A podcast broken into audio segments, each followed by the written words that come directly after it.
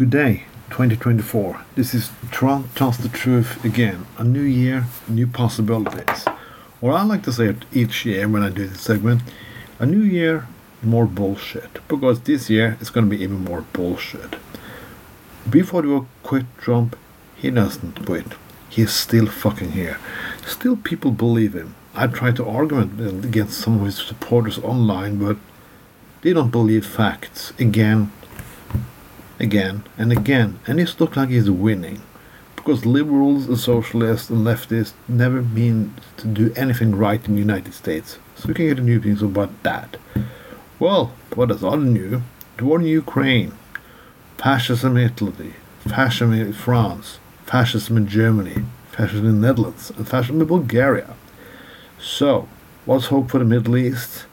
Fascists fucking in Israel, fascists fucking in the West Bank and Gaza, people killing each other, bombing boats, more and more property and wealth go to the 1% of the world. We are in this Putin nightmare right now. The media is gone, it's owned by big fucking companies, and lunatics is all taking over the fucking asylum. Well, Trump you may ask, why not positive for 2024? We cannot only think about bad things. We need to keep happy. Drink, like Berlin's last days. But I don't drink anymore. I have I'm a father. I try not to watch the news too much because I'm fucking getting tired of it. Over 30 years I've done politics. And problem is not people want to fight for change, but all those people who just, just oh not bother me with that. Or no, you're destroying the party why did you tell us about climate change? Why did you tell us the war? We just want to have a drink, relax, and have an okay time. But it's not time for that anymore. It's not. I told that in 2016 when I started this segment. But the world hasn't changed. Not a bit. And people don't look out for anything anymore. You talk about the youth generation. Well, the youth generation doesn't do a shit. The old generation don't want to do anything and the generation in the middle don't seem to bother. They just don't, don't listen. They just don't want the news. They just want the fact.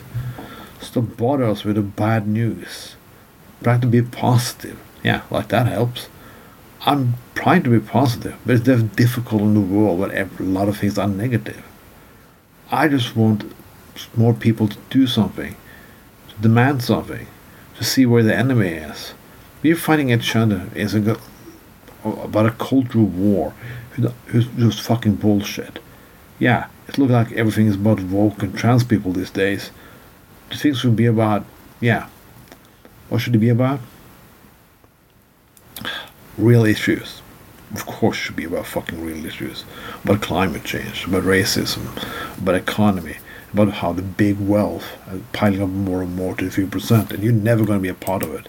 That should be the fucking issue, but it isn't. It's funny.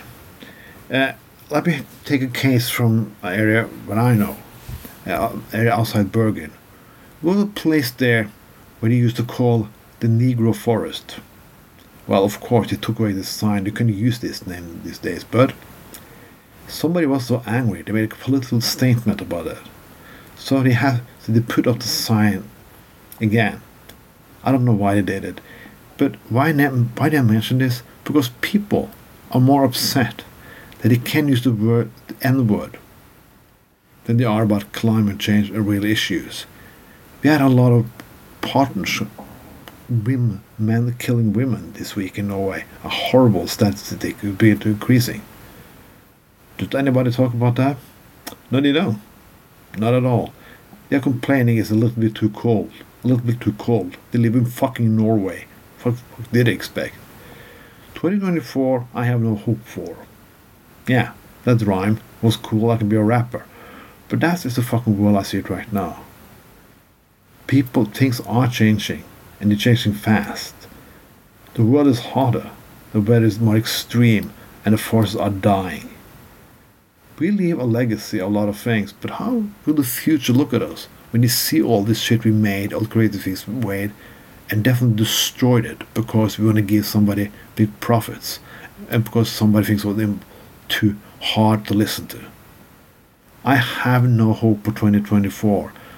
But at the same time, I hope I'm wrong this time. I hope I was wrong about everything I think about everybody. This was Trond with Trond Tells the Truth. Have a fucking splendid 2024 and go fuck each other.